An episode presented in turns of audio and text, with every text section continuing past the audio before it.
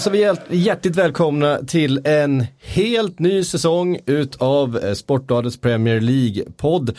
Uppställningen är densamma som förra säsongen. Eh, inga spelare ut, inga spelare in. Typ. För eh, Frida, vart har du tagit vägen? Nej, jag eh, har ju begett mig till de brittiska öarna så att jag befinner mig eh, inte riktigt i London utan i Essex en bit utanför London. Men tanken är väl att jag så småningom ska flytta in till den engelska huvudstaden och sen blir jag kvar där på obestämd tid. Det är otroligt. Vad är det du ska göra? Ja, jag ska väl göra lite av varje, ehm, är väl tanken. Eh, det blir ju eh, främst fokus på Premier League of course, men det finns ju en massa annat också. Vi har en massa svenskar i Championship, vi har svenskar i Women's Super League. Så att det finns, och, eh, det finns att göra. Det är ju en hel del matcher som, som spelas varje vecka trots allt. Mm. Och Kalle Karlsson, du sitter kvar på din vanliga stol.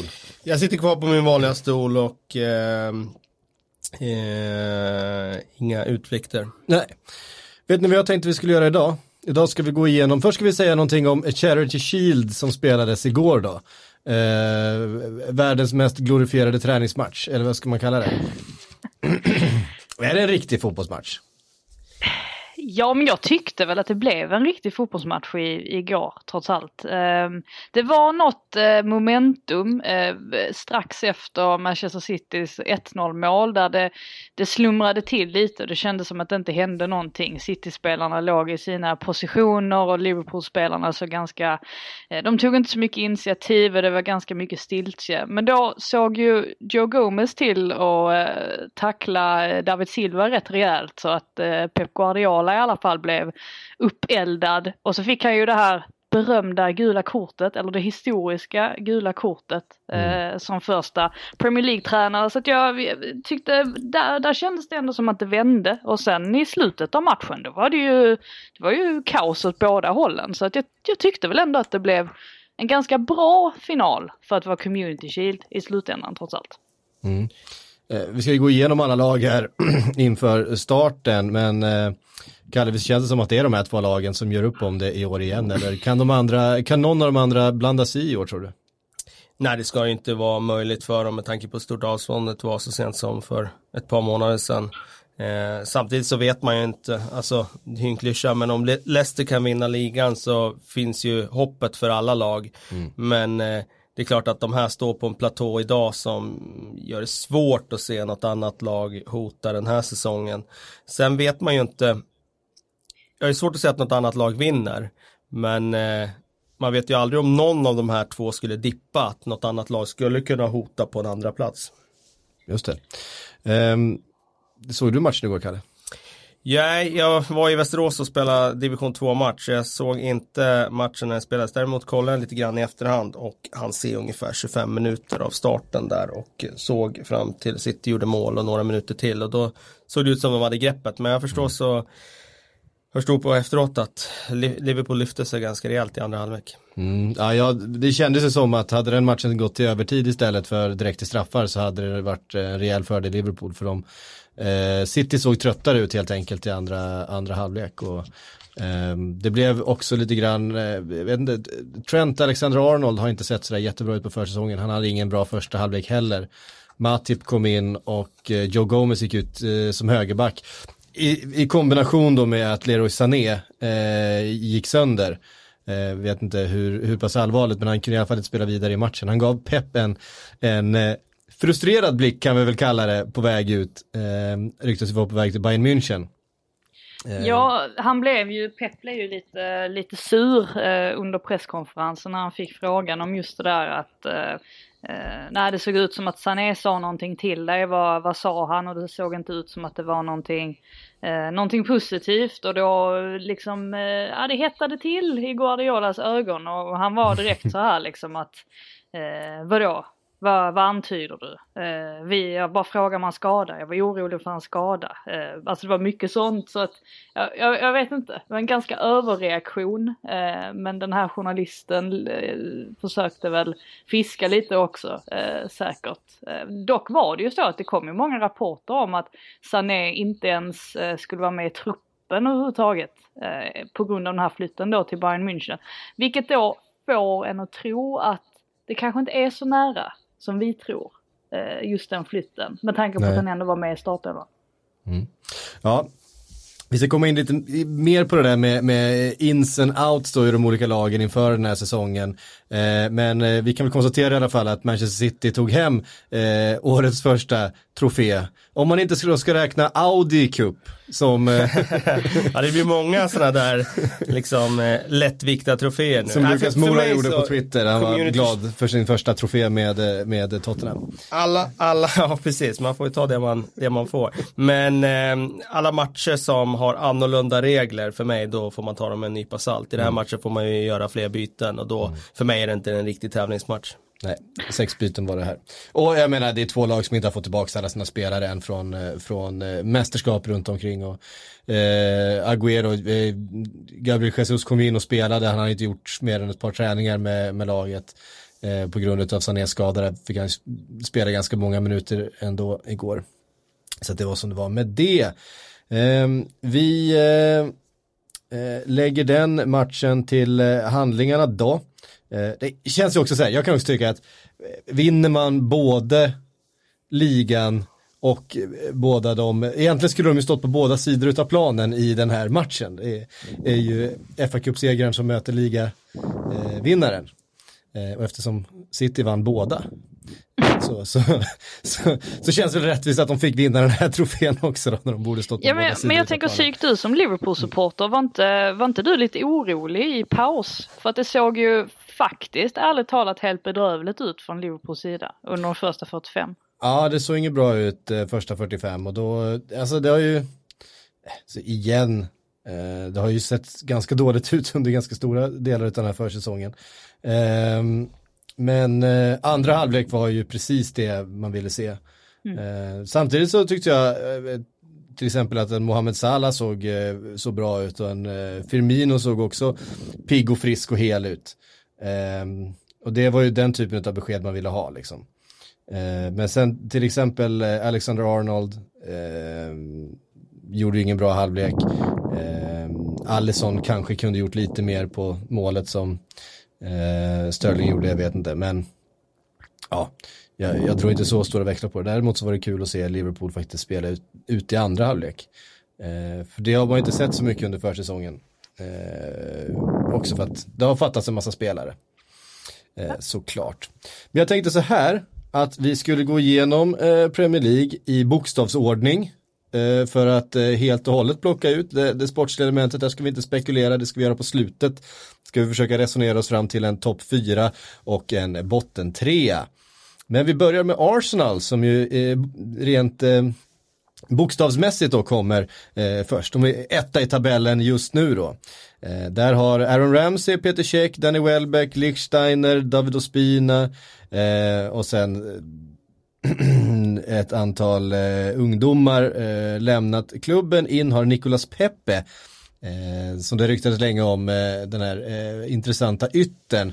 Han har varit väldigt fokuserad på, på yttrar, Emery, att han vill ha in eh, en duktig ytter, det var ju eh, Zaha länge det pratades om, men Nicolas Pepe blev det till slut för 72 miljoner pund, eh, 850 miljoner kronor någonting. Eh, Ceballos från Real Madrid in på lån och eh, den här talangfulla backen och William Saliba från Saint Etienne också in eh, på en, eh, på den listan jag har, en undisclosed eh, fee. Han lånas ju dessutom tillbaka till centret igen. Så ja, så, så var det ja, just det. Uh, han kommer ansluta först uh, nästa säsong då. Mm, jag, jag har bara hört uh, summan 27 miljoner pund. Jag stämmer, vet inte om den stämmer. stämmer men, stämmer. Ja. Mm. Mm. vi pratade ju förra säsongen om desperata behovet av mittbackar. det behovet har ju inte liksom minskat under den här sommaren. Vi har en Korselny som verkar vilja tillbaks till, till Frankrike, har knorrats en del. Um, det ser ut just nu som det är liksom holding och uh, ja, nu glömmer jag alltid bort vad greken heter. Sokrates. Sokrates. Mm. Uh, det är lättare än man tror. Grekerna brukar ha så fruktansvärt eh, krångliga namn ibland. Eh, men att det är de två som ska vara liksom mittbackslåset där. Eh, vad säger du om det Kalle? Nej, det känns ju oroväckande, eh, minst sagt. Eh, det är bara att titta på vad de andra toppkonkurrenterna har spenderat i försvaret de senaste åren med City om vi börjar med dem när de börjar lasta på John Stones eh, och eh, Liverpool eh, satte världsrekord försvarare United ser ut att slå det världsrekordet idag, verkar det bli klart med Harry Maguire. Och så Arsenal med, med Sokratis och Rob Holding. Det, det rimmar liksom inte eh, om man ska vara med och konkurrera. Nu är väl inte Arsenals vision att konkurrera om någon titel i år, men risken är ju att man hamnar efter och så liksom är man inne i den där negativa spiralen. Jag, jag tycker det är huvudlöst när man tittar på deras transferpolitik att man eh, år efter år negligera behovet av att verkligen stärka upp försvaret, att prioritera att lägga eh, investeringar där man verkligen behöver dem. Och jag tror att det kommer kosta laget igen. Eh, och Visst, de gick på den där sviten förra hösten där de inte förlorade en match på 22 matcher eller vad det var. Men eh, sen när, man väl, när verkligheten väl kommer i, i kapp dem så, så är det det individuella försvarsspelet, tycker jag, som, som brister för ofta. Det är inte något strukturellt fel som tränaren kan limma ihop med att göra si eller så, utan spelarna är inte tillräckligt bra helt enkelt. Och då blir det oerhört svårt att, att, att konkurrera med, med de lagen som köper in spelare som håller en helt annan dignitet. Mm. Topp fyra i år? Alltså, Nej, inte om jag tittar på den truppen som är nu. Samtidigt så den där offensiven är ju så otroligt spännande. Så mm. skulle det komma den där förstärkningen där bak, det kan ju fortfarande göra det. Det snackas mm. ju om Umtiti till exempel från Barcelona, så sent som idag såg jag rykten om det. Sen om det verkligen blir konkret, det får vi ju se. Men skulle de få en liksom, förstärkning då kan det förändras på ett eh, dramatiskt sätt för att mm. offensiven är ju så god som någon annan. Mm. Jag säger verkligen. Hur känner du Frida, är det topp fyra material eh, som Emery har att förfoga över? Nej, alltså framåt sett så, så är det klart att det ser, eh, då är det ju topp top fyra nivå. Och jag, jag fattar ju det här med Nicolas Peppe, alltså att han, han fyller ju ändå ett visst tomrum till höger som de eh, kanske behövde fylla. Eh, men sen är det klart, de har ju samtidigt aldrig haft problem, eller aldrig, men de senaste säsongerna så har de ju inte haft problem med, med målskytte och offensiv, utan det är ju defensiven. Så på det sättet så, ja, då finns det ett ganska stort frågetecken om man ska lyckas slå sig in där. För jag tror det kommer, det kommer bli tufft och det är, det är fler utmanare än någonsin också som, som faktiskt kan slå sig in i topp 6 som inte har varit där tidigare. Så att det, det är liksom, eh, det är så mycket det är så mycket hot från alla håll och kanter så då, då tror jag att en, en, en tät defensiv, det, det, gör, det räcker nog långt den här säsongen.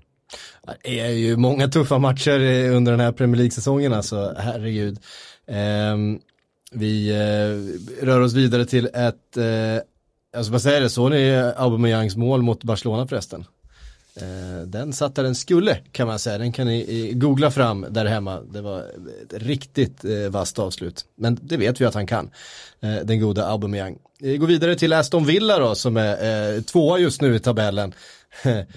alltså laget som har spenderat mest nu får vi väl se, nu kanske Manchester United går om då om de eh, signar Maguire i, eh, idag. Men eh, eh, de har alltså, Aston Villa har plockat in Tom Heaton från Burnley då, eh, en bra förstärkning. 8 miljoner pund, det tycker jag är ett bra. Eh, Verkligen bra förstärkning. bra värvning. Nakamba från Klubb Brygge, 11 miljoner pund. Douglas Lewis från Manchester City, 15 miljoner pund. Trezeguet, den egyptiska Trezeguet ska sägas, inte den gamle, gamle David Trezeguet som har eh, dammat av eh, dojorna.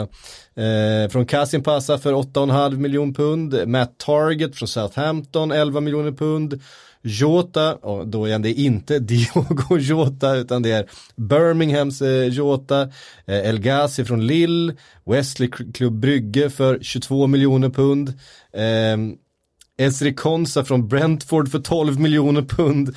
Det, och, och sen då förstås eh, Tyrone Minks från Bournemouth för 20, 20 miljoner pund för Tyrone Minks. Ja, 26 är min summa till och med. Jaha. Det kanske är med bonusrelaterade. Ja, precis. Eh, summor. Men ja, det är, för mig är det en väldigt hög summa för en spelare som varit så skadebenägen senaste ja. åren.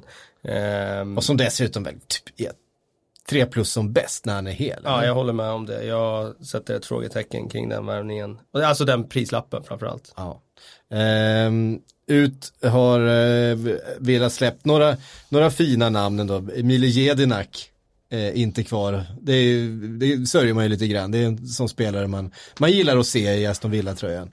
Eh, Ross McCormack, eller McContract som han hette en gång i tiden, han signades för nästan, ja vad var det? Då var det väl typ 15 miljoner pund eller någonting. Eh, Aston Villa nere i Championship.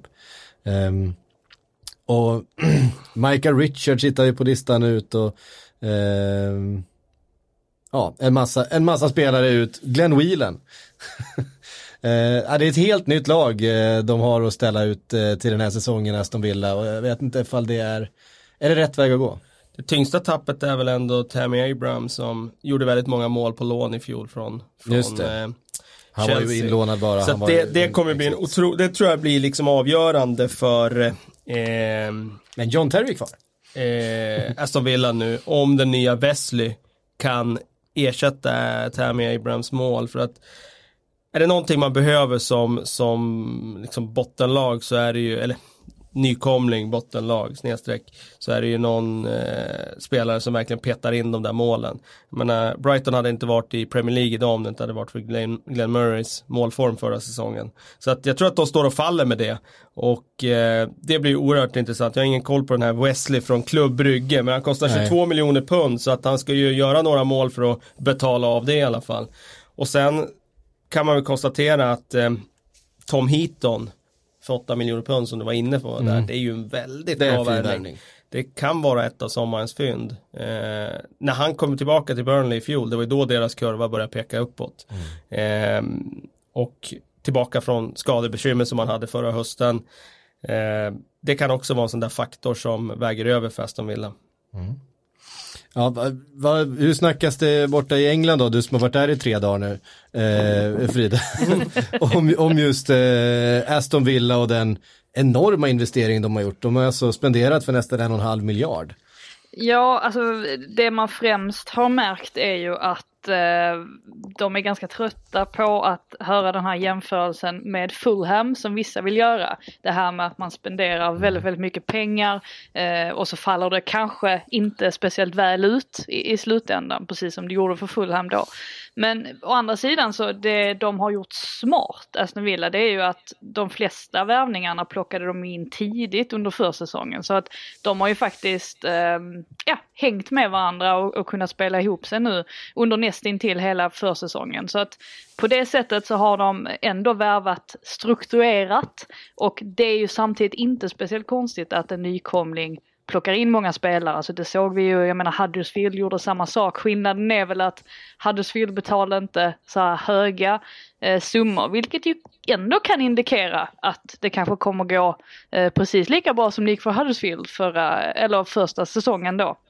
Mm. Efter eh, att de klev upp. Men eh, jag tror nog att Aston Villa-supportrarna de fattar ju att det här kommer bli, kommer bli tufft. Ja, eh, men jag menar en sjuttonde plats eller sådär det, det är väl inte helt orimligt att man siktar på det liksom. Hänger kvar.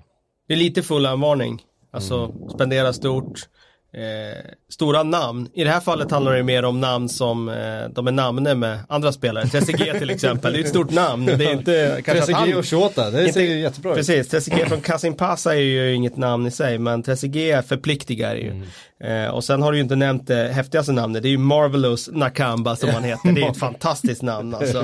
Det är, alltså. Han måste ju vara riktigt bra den här spelaren. Ja. Eh, så att eh, jag eh, tror också att det blir ganska tufft. Eh, men samtidigt med, med den känslan de hade i fjol där med Dean Smith och liksom känslan av att tillbaka till liksom grunderna och Willa och han är supporter till laget och det var ju en väldigt härlig eh, liksom atmosfär kring Villa i slutet av förra säsongen efter alla tuffa år de hade med Randy Lerner och hans ägande mm. som bara drog eh, klubben ner i, i skiten egentligen. Så jag tror att de de liksom svävar ju fram på någon slags framgångsvåg just nu. Och det är väl den där energin som många ny, nykomlingar kan ta med in, att det är den som kan rädda dem kvar. Mm. Kanske nämna också att Jack Grealish, det är lite så här upp till bevis för honom nu också och Verkligen. mycket hänger ju på honom. Eh, och är han bra så, så är oftast Aston Villa bra, så han är ju verkligen, det är verkligen nyckelspelaren. Och det är så intressant med det tycker jag, just för att det är så många spelare som är bra i Championship, som inte är bra i Premier League. Det är ju så enormt stor skillnad. Jag tror framförallt för sådana här nummer 10-spelare. Liksom. Mm. Ja, de får ju inte så mycket tid att jobba på. Eh, det, eh, det krävs, det krävs eh, extraordinära fötter för att vara en framgångsrik nummer 10, framförallt i liksom ett nedre halvan-lag i Premier League. Eh, man får inte så många chanser på en match att, att göra någonting kreativt bra utav bollen. Eh, men, men Grady känner jag, jag är ändå spänd på honom. Eh, man såg ju också, eh, eh han slog ju igenom i Premier League eh, faktiskt först. Eh, Eh, som var då typ 19-åring. 18-åring till och med. 18-åring till och med, ja. Eh, att det finns ju kvaliteter i den pojken, det, så är det ju bara. Så det håller jag med om, det ska bli väldigt spännande. Vidare till Bournemouth, eh, som då sålde Tyron Mings för eh, 20 miljoner, det har vi varit inne på. Har eh, plockat in namn som Lloyd Kelly från Bristol, Jack Stacey från Luton, Philip Billing då, eh, Huddersfields, eh, det är väl den stora eh, investeringen. Um, för 15 miljoner pund. Eh, Eddie Howe eh, kämpar på med, med små resurser eh, såklart jämfört med eh, många andra men eh, har ju eh, visat förr att han eh, vet vad som krävs för att eh, vara framgångsrik i Premier League. Ja, och där är faktiskt en spelare också i, som de har plockat in för, för 13 miljoner pund som verkar mm. oerhört spännande. Uh, Lloyd Kelly uh, som kom från uh, Bristol City, vänsterback. och han sägs inte vara en vanlig vänsterback. utan det här ska vara någonting alldeles extra och tydligen så liksom maxade han ut. var där och, och, och hög också ju. Vad sa du? Topp 6-klubbarna var ju där och högg också flera stycken. Eh, han var ju varit väldigt omtalad men, men valde Bournemouth för, för speltiden. Ja men precis och är bara 20 år eh, gammal dessutom och, och liksom maxar ut alla fystester och, och alltihopa. Så att där tror jag nog att de har någonting Eh, alltså också har någonting, alltså li, li, lite positivt ändå att spinna vidare på. Eh, mm. För Eddie Howe, han var ju det är väl lite så att han blir hyllad eh, en period och sen så går det lite sämre och, och så, så liksom blir det lite mindre då eh, cirkus kring honom och sen så blir han lite hyllad igen. Det, det går lite sådär upp och ner. De har inte riktigt lyckats hitta någon kontinuitet i sina prestationer. Eh, men eh, nej, alltså de har ju ändå fått behålla många av sina spelare och de har ju kvar Callum Wilson dessutom. Det, det var väl kanske det, det allra viktigaste att de fick behålla honom. Eh, om man tar offensiven så är den ju eh, ja, den är ju riktigt stark. Callum Wilson, Joshua King, Ryan Fraser som var en poängmaskin förra året. Jag tror mycket på den här nya ytten Danjuma från Klubb Brygge. Jag såg han i något skymta förbi i våras eh, i något sammanhang och då såg man en spelare som har väldigt eh, mycket speed, kan gå förbi, kan skapa saker på egen hand. Så skulle de kunna ha Fraser och han på varsin kant och som två forwards som jag skulle nästan säga att Callum Wilson är målgaranti. Mm. Eh, trots sina skadebekymmer och Joshua King som Ja, det är dags för det där riktiga genombrottet. Han hade han ju det för något år. per säsong sådär. Ja, men liksom han, han hade ju det för något år sedan. Han gjorde mm. väldigt mycket mål under en period. Man skulle vilja se han leverera över en hel säsong. Då, då tycker jag offensiven är bra nog för att vara i övre halvan. Och jag tycker strukturellt så är de alltid tillräckligt organiserade för att liksom leverera offensiven så, så klarar de att hålla upp det. Mm. Det enda som är det är när de blir för naiva i sin eh, Alltså att de tror att de kan spela lite mer än vad de kan göra kort. De får ju alltid problem mot storlagen. Ja alltså. exakt och där, mm. där blir de straffade. Men eh, jag menar de har legat eh, senaste säsongerna i, i mitten och inte varit indragna i bottenstriden. Så att mm. jag tycker det är en fantastisk prestation sett till vad de har för resurser. Se vad Brooks kan ta vägen den här säsongen också. Precis. Slog ju igenom förra eh, och var väldigt, väldigt bra. Också 20 eller något sånt där va? Eh, så att han har ju mer att ge. Vidare till Brighton, är väl ett av lagen som eh, kan få det lite tufft den här säsongen, eh, vad man kan tänka. Eh, har eh, släppt Anthony Knockar på lån till Fulham, förvånar mig lite grann, tycker jag är en fin spelare. Eh, I övrigt så är det mest spelare som man har, eh, ungdomsspelare och kontrakt som har gått ut och så vidare. Inga stora grejer. Leandro Tossar från Genk in för 15 miljoner pund. ingen koll på. Likaså Matt Clark från Portsmouth på en undisclosed fee, det har jag heller ingen koll på. Ja, det, snackisen är ju Adam Webster som går från Bristol City då. Mm, just det. det är 20 miljoner pund på honom. Ja. Och mm. det kommer ju eventuellt då betyda att Louis Dunk, eh, som jag var oerhört imponerad av under förra säsongen, eh, värvas till Leicester som ersättare då för Harry Maguire. Eh, Webster fick ju väldigt mycket hyllningar i fjol i ett starkt Bristol eh, och eh, jag tror att eh, det kan bli lite sådär barnsjukdomar när man tappar Dank som var väldigt eh, dels eh, befälhavare där bak och eh, i mitt tycke lagets bästa spelare förra säsongen. Eh, men de, jag tror att de har fått in väldigt stor potential i, i ersättaren där men det kan i alla fall bli eh, liksom att försvaret vacklar lite där. Sen blir det intressant att se, Potter har ju ändå fått mm. uppdraget nu liksom att eh, förändra dem lite grann, bli lite mer spelande. Och vi kan kolla på andra klubbar som har gjort det tidigare. Det har varit en tuff omställning. Eh, jag sätter otroligt stor tilltro till Graham Potters förmåga. Så att jag tror att han, han om någon kan lösa det här med, med Brighton, ett nytt kontrakt. Eh, men det kommer att bli tufft. Mm. Eh, jag lyfter på hatten om man lyckas, det, då är det riktigt starkt gjort. Mm. Du har ju en speciell relation till Potter Frida. Det kommer ja. bli också speciellt att, eh, att få bevaka honom då på plats under den här säsongen. Ja, jag är lite rädd för hur han kommer reagera när han ser mig sitta där. Alltså det, det var, vi skildes inte åt på. Jo, alltså, men han var nog mest trött på mina frågor tror jag. För att när han var aktuell för Swansea så åkte jag ju upp flera gånger till Östersund enbart för att kunna sitta på de presskonferenserna och fråga honom om Swansea-jobbet. Eh, och, och jag, de andra journalisterna lämnade liksom över den frågan till mig. Så att, eh, jag vet inte, jag, jag, jag, tror han mest tyckte att jag var lite jobbig där mot slutet. Men eh, det ska väl bli kul att se vad, precis som ni säger, vad han kan göra. Och man får inte glömma bort det heller att det, är ju, det snackas ju väldigt mycket om Graham Potter här för att han är ju någon sorts eh, liksom, ny bild av det här med liksom, de engelska tränarna som kommer fram och, och får äntligen träna Premier League-klubbar. De börjar ju bli fler och fler nu, det är inte bara de här gamla gubbarna. Och, eh, ja, vi vet ju vilka som fortfarande, fortfarande hänger i, eh, exempelvis en då i Newcastle. Men i övrigt så finns det ju faktiskt lite mer, lite yngre, lite mer, eh, ja, spelpositiva förmågor. Och han är ju definitivt en av dem som engelsk media kommer eh, följa väldigt noggrant.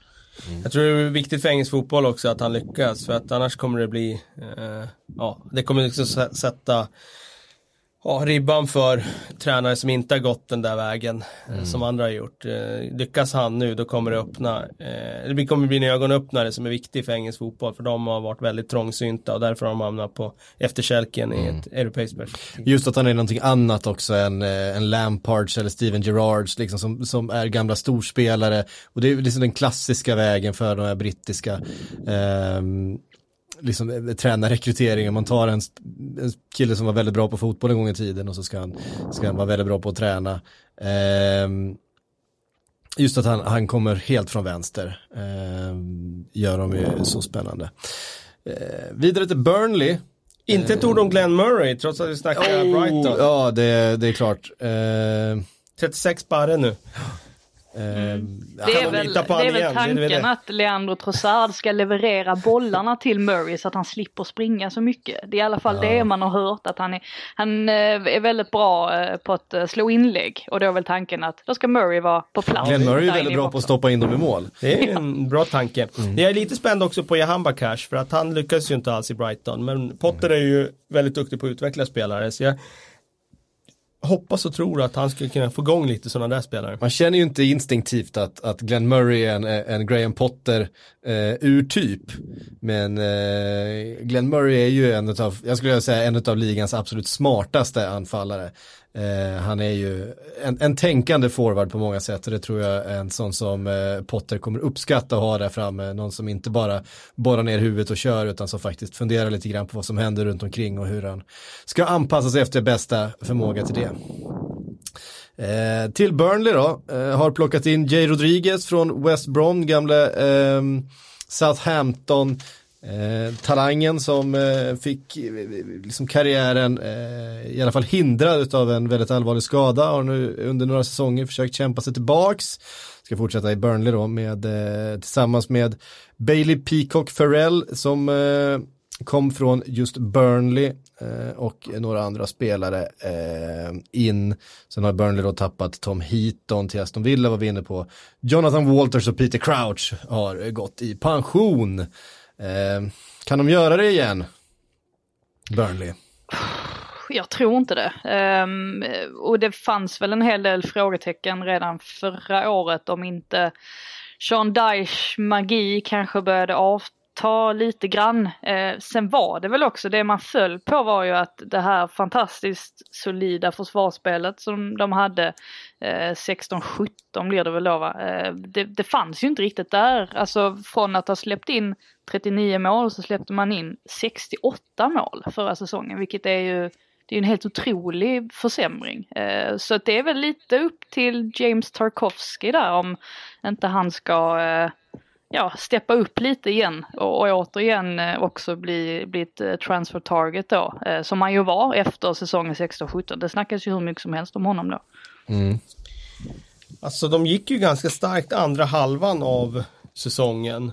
Och någonstans är det väl det de tar med sig in i den här. Jag tror att de kan bli jag tror lite tvärtom. Jag, jag, tror att de kan bli lite bättre än förra säsongen. Då menar jag jämfört med vad de var under hösten när de låg under strecket. Jag tror inte de kommer att åka ur utan jag tror att Sean Dyche någonstans kommer hitta tillbaka till det där liksom svårslagna laget som kommer ta sina poäng på hemmaplan. Chris Wood, anfallaren har ju sett otroligt het ut på försäsongen, gjort, smält in 5-6 mål och eh, får de liksom det bidraget från honom och så har ju Jade Rodriguez som kan hoppa in och spela lite runt omkring. Mm. Dwight McNeil som jag tyckte var en jättespännande ung spelare när han kom fram i fjol. Han kom ju tillbaka också precis i den vevan när Tom Heaton kom tillbaka när laget började gå bra. Och det var så intressant att Burnley fick en spelare som var kreativ på kanten för de har ju inte mm. haft den typen av liksom, spelare. Det är ju mer liksom ner till kortlinje inlägg och, och den typen utan han är ju liksom en gänglig ytter som är ja. oberäknelig och lite poängspelare och eh, matchvinnartyp. Jag, jag tycker han var superspännande när han kom fram i fjol just för att han kom fram i, i Burnley. Mm. Eh, och sen tycker jag att, eh, jag menar Nick Pope tillbaka nu skadefri. Det är ju, kan ju rimligen vara en, en, eh, riktigt bra förstärkning för trots, trots att de tappat Tom Heaton så, så har de Nick Pope tillbaka. Så jag tror att de blir lite svårslagna, framförallt hemma på Turf Moor. Mm. Um, mm de är spännande. Sen har de ju eh, faktiskt rutin nu. Spännande eh, vet jag inte om det ordet jag använder för Burnley men eh, Solida. De är solida. Ginger Mourinho där bak, han kommer täppa till. Eh, till Chelsea då. Där behöver vi inte prata så mycket om in, för där är det ett eh, transferförbud i eh, full blomning. Matteo Kovacic har man då permanentat som då redan var registrerad eh, med tanke på lånet. Och så har man en Christian eh, Pulisic som man gjorde klart med i vintras. Det är, eh, Kovacic var ju där förra säsongen, Pulisic är ny för säsongen men eh, det är ju inga egentliga nyförvärv eh, för de senaste veckorna. Eh, Pulisic har sett pigg ut på försäsongen, eh, gjort ett par snygga mål, eh, men inte minst gjorde ju, eh, visst var det Pedro som gjorde ett helt otroligt mål, mm. jag kommer inte ihåg mot vilka det var, han klackade in en boll va? Eh, efter ett sanslöst eh, anfall. Minns inte mot vilka det var nu. Eh, det var ett sånt där som passerade förbi. Däremot så måste vi när vi pratar eh, Chelsea då förstås prata om utlistan för där hittar vi en viss Eden Hazard. Eh, klubbens bästa spelare de senaste ja, tio åren.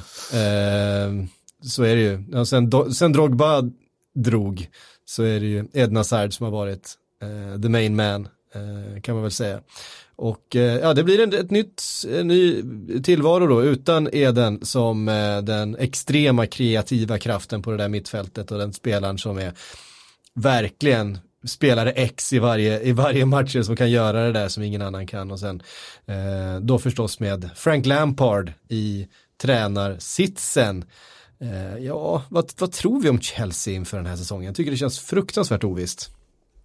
Jag säger du Frida? Ja, alltså Eh, jag tror först och främst att man, eh, nu, nu, kunde man ju inte ens ersätta Eden Hazard även om man eh, hade velat på grund av registreringsförbudet. Men, men sen samtidigt så det går ju inte att ersätta den typen av spelare utan här måste man ju tänka helt nytt. Och det verkar ju som att Frank Lampard kommer ge de lite yngre spelarna chansen, alltså så som Tammy Abraham, Mason Mount eh, och så vidare. Och, och, då är det väl lite sådär att det, det kan ju eh, falla väldigt väl ut men det kan ju också gå åt andra hållet beroende på, eh, ja man, man är lite osäker på vilken nivå de håller. Precis som vi har sagt tidigare så Championship och ungdomsspel det är en sak och Premier League är någonting helt annat. Så att han har ju en del att fundera på där för att försöka få ihop det. Men sen får man ju inte glömma, han har ju ett par spelare kvar som är absolut världsklass. Jag menar mm. eh, Kanté som man kanske inte tänkte på så mycket för säsongen eftersom han ju spelade i den här lite mer annorlunda positionen sett till vad man var van vid att se honom tidigare. Han finns ju kvar. Alltså det, det är ju inte så att,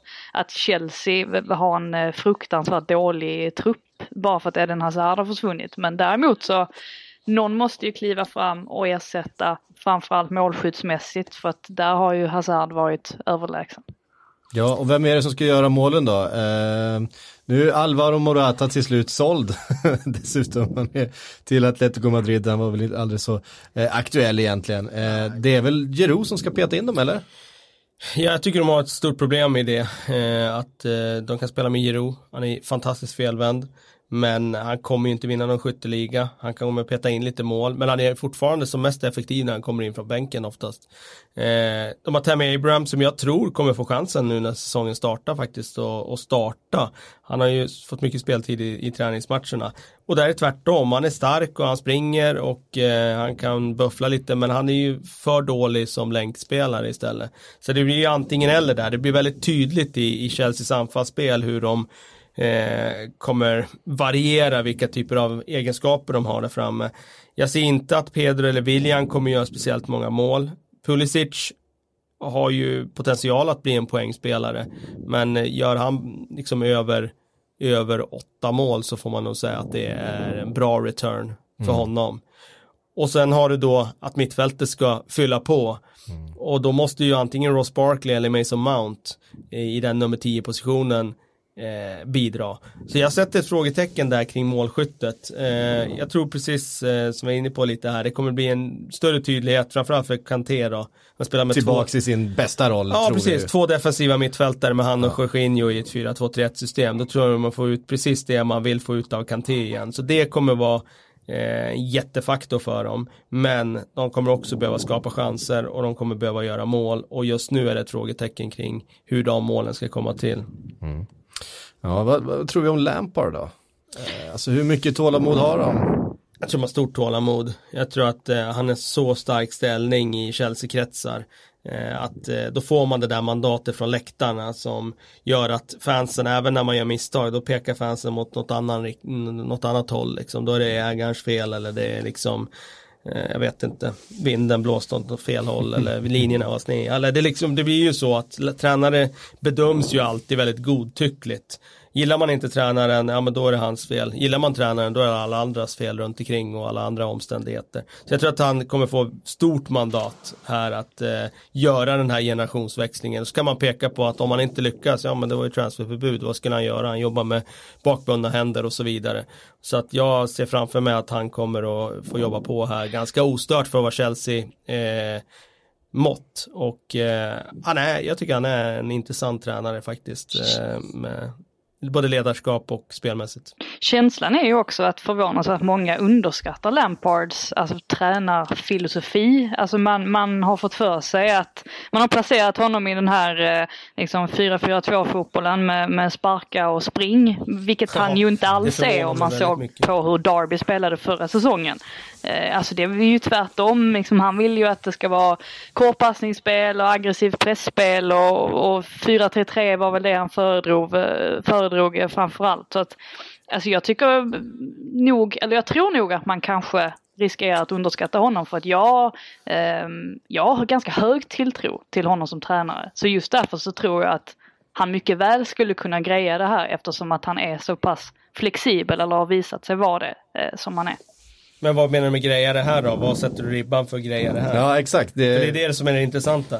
Jag skulle väl först och främst sikta på att inte få kicken under hösten. Eh, okej, okay, ja, okay, ja, men då tror jag också att han grejer det. Ja, det, det, det, det är lite han... där jag lägger ribban. Men ja, det, handlar ju framförallt om att man ska, ja, man ska ju ge supportrarna hopp. Alltså, kan mm. supportrarna se att, eh, ja men som Sarri, det ska sig direkt med supportrarna. Och han, han hade ju en inställning som inte var speciellt smart om man vill behålla jobbet egentligen. Alltså jag tror att Lampard kan kan eh, väcka någonting hos supportrarna om det skulle vara så att, att han får ihop det här unga laget på ett ganska spännande sätt. Ja, de kommer förlora matcher och sådär, men ser det bara bra ut så får han ju arbetsro och då kanske de får lite mer tid att spela ihop sig och så vidare och så vidare och så vidare. Där tror jag att man inte ska underskatta honom som någon sorts eh, undermålig tränare, för det, det, tror jag liksom inte att han är. Jag tror som sagt att han, han är flexibel, han kommer anpassa sig eh, utifrån det han har att jobba med, vilket ju inte är lika mycket som Sarri hade förra säsongen. Nej. Ja, det eh, var Chelsea vidare till Crystal Palace då som har eh, sålt Aron Van Bissaka till Manchester United. Dessutom släppt Jason Punchen och Julian Speroni. Eh, Bakary Sakou har eh, dragit till eh, eh Turkiet. Eh, Likaså Alexander Sörlott eh, också dragit till Turkiet. In har Jordan Ayew kommit eh, och eh, ja Eh, vad, eh, vart placerar vi Crystal Palace? De har än så länge kvar eh, Wilfried Zaha i truppen. Och det var väl det som var sagt inför det här fönstret också att antingen så säljer vi vi behöver sälja någon av dem för eh, att eh, kunna fortsätta utvecklas och vi, för att kunna ha eh, balansera böckerna och så vidare. Så att antingen kommer Zaha eller Van Bissaka säljas men vi kommer inte sälja båda två för det blir för stort avbräck från truppen. Har man sålt Van Bissaka och då blir Zaha kvar. Eh, och det har de ju stå, hållit fast vid och det är så det har blivit. Och vi såg ju Arsenal dra i Zaha, då pratades det om att prislappen var för hög, men så tryckte man in 850 miljoner på eh, PP istället. Eh, så att det var ju uppenbarligen inte pengarna som var problem där, utan det var nog att, att eh, Crystal Palace helt enkelt inte ville sälja eh, Zaha och det är ju den spelaren som kan göra det för dem. Ungefär som vi var inne på med Edna Hazard och Chelsea tidigare så är ju Zaha den som eh, kan göra någonting som ingen annan i laget kan. Ja, alltså jag, men jag tror jag sätter stort frågetecken på Crystal Palace. Um, jag tror tyvärr att uh, Roy Hodgson kan bli en av de första tränarna att få lämna uh, den här säsongen.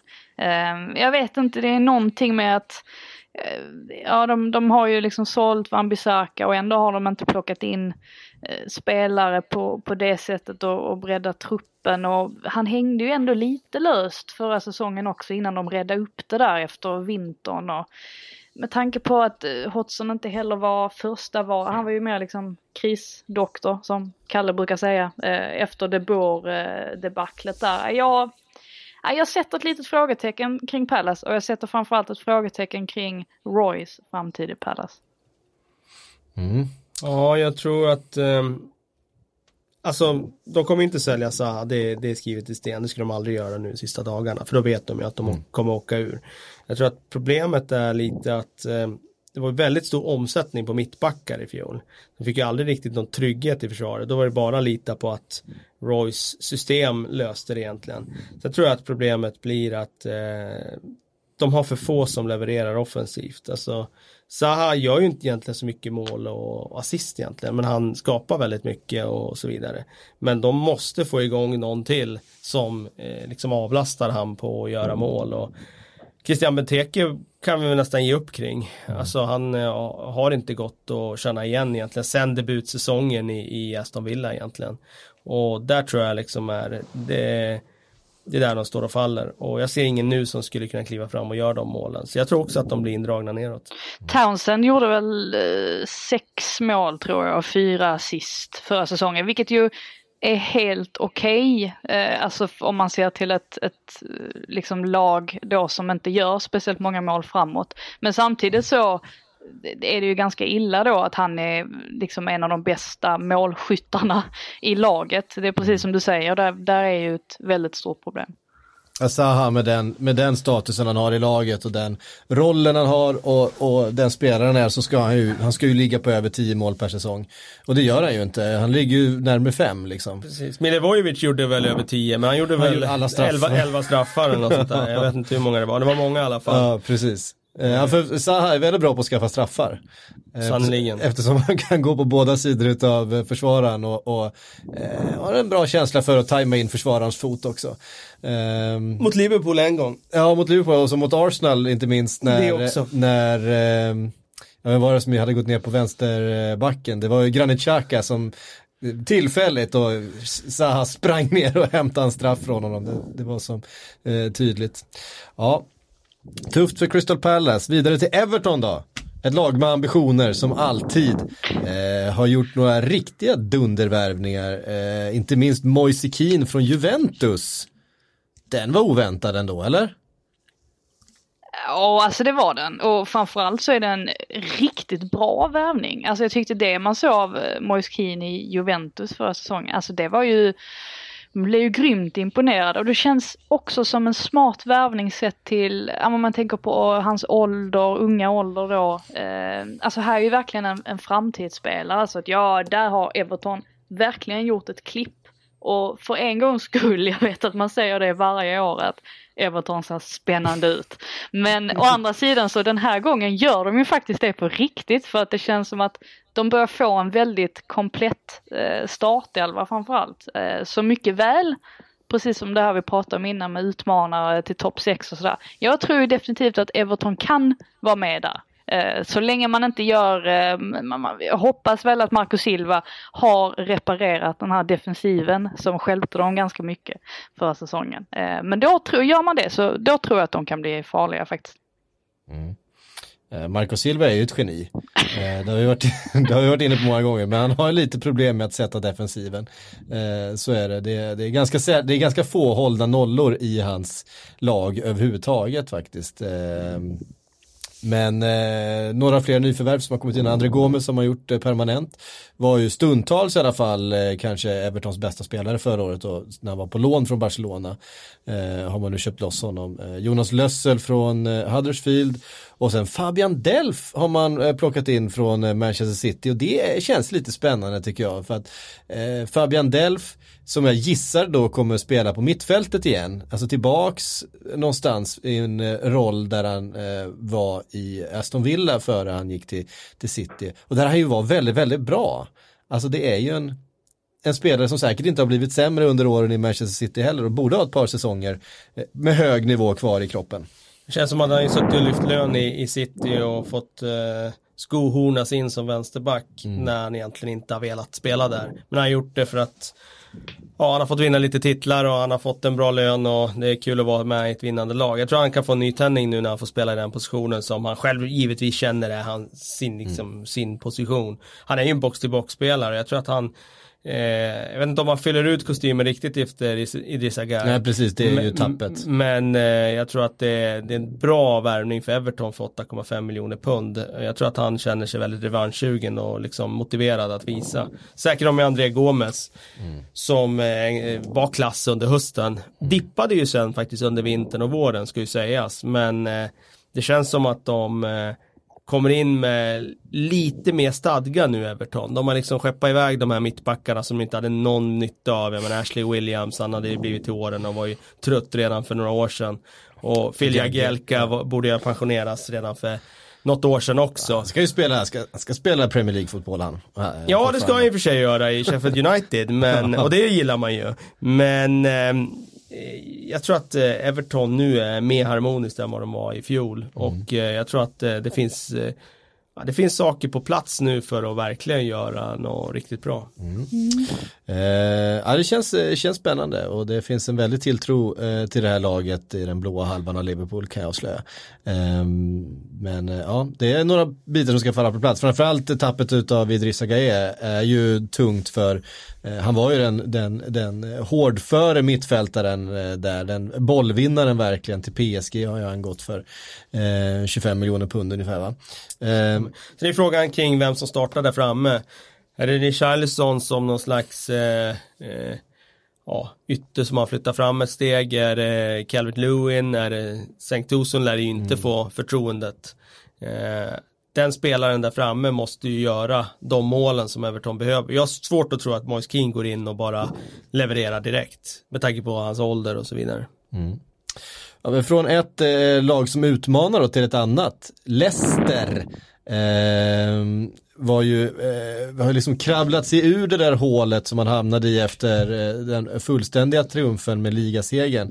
Eh, fått in Brendan Rodgers som tränare, det känns som att han har en tydlig idé med vad han vill göra. Ehm, Värvat in Ayose Perez, eh, permanentat och Juri Thielemans som man lånade in och som ju var väldigt, väldigt bra under det halvåret han spelade eh, för Leicester. Eh, man permanentat då från Monaco. Ehm, och allt pekar ju då på att man släpper Harry Maguire för ett världsrekordbud eh, under dagen här idag.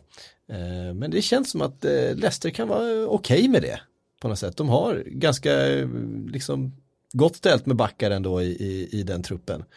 Eh, eventuellt kommer det komma in någon, någon ersättare då men jag menar det är, det är bra pengar för, för, för eh, Harry Maguire, det, det går inte att säga annat än.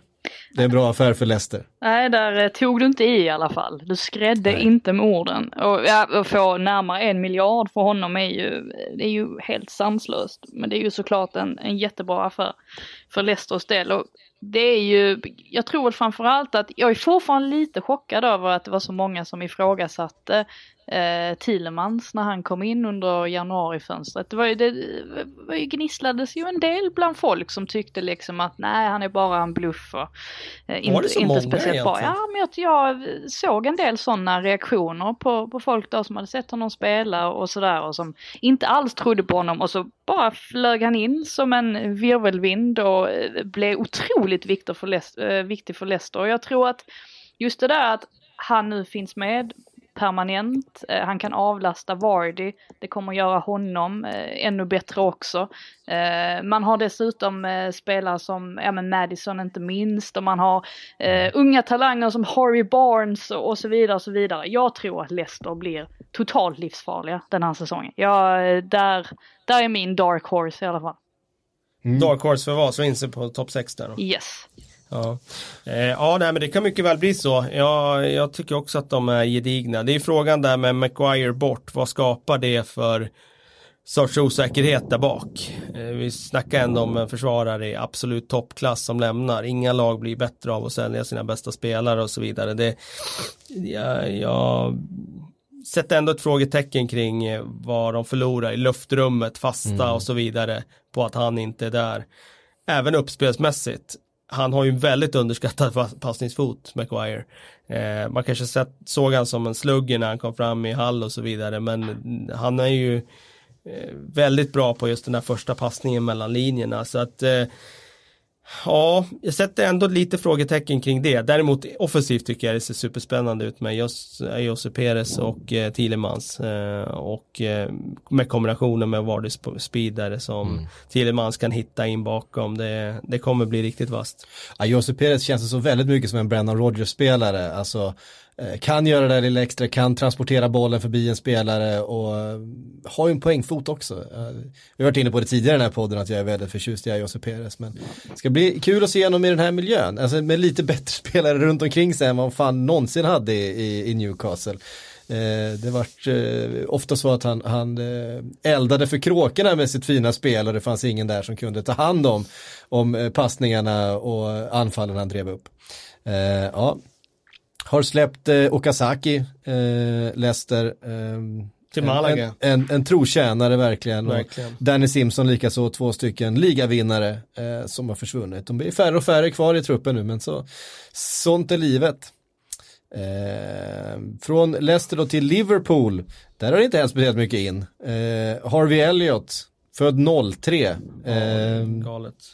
In och Zapp Vandenberg, eh, mittback, eh, han är väl också född på 00-talet eh, någon gång. Det är väl inte så mycket, det är väl inte någon spelare som kommer eh, göra några avtryck i startelvan eh, direkt. Harvey Elliot är ju i alla fall sagt att han är inköpt för att vara en del utav, eh, utav seniortruppen liksom. Eh, och han har alltså precis fyllt 16. Eh, gjort, eh, gjorde en match på försäsongen när jag såg honom och då var han han var riktigt, riktigt bra. Det var liksom en så här, otrolig spelartyp, irrationell och for runt och jagade boll och tog sig förbi och eh, hittade avslut och grejer. Det, det, blir väldigt spännande men det är ju såklart ett namn för framtiden och han har nog en hel del kvar att göra innan han eh, slår sig in i den där fronttrion. För Liverpool har ju ett, ett, eh, ett bra lag med sig. Man har ju inte släppt någonting annat. Det är Daniel Sturridge som har försvunnit egentligen som eh, gjorde någonting förra säsongen. Ja, ett fint mål på Stamford Bridge gjorde han ju. Sen ja. gjorde han, var det inte så mycket mer. Han gjorde ett mål på PSG också på Anfield. Det var de två insatserna han stod för, eh, kan man egentligen säga. Och um, ja, eh, det har fyllts på ungefär med en Rian Brewster från uh, ungdomslagen. Uh, det är väl så det har varit eh, ungefär. Så vi, vi, vi kommer känna igen det Liverpool som ställer upp. eh, mot Norwich här till, till helgen eh, från det som spelade i höstas. Men jag påminner ändå om det där. Det viktigaste det är inte att värva nytt, det är att behålla de man har. Och om man tittar på de andra topplagen så har ju alla tappat någonting i startelvan sitter ändå och tappar kompani med ledaren och allt vad det innebär. Liverpool har inte tappat någon, det är andra året i rad de egentligen inte tappar någon startspelare. Så att eh, det finns ingen anledning att tro att de skulle bli sämre den här säsongen än vad de var i fjol.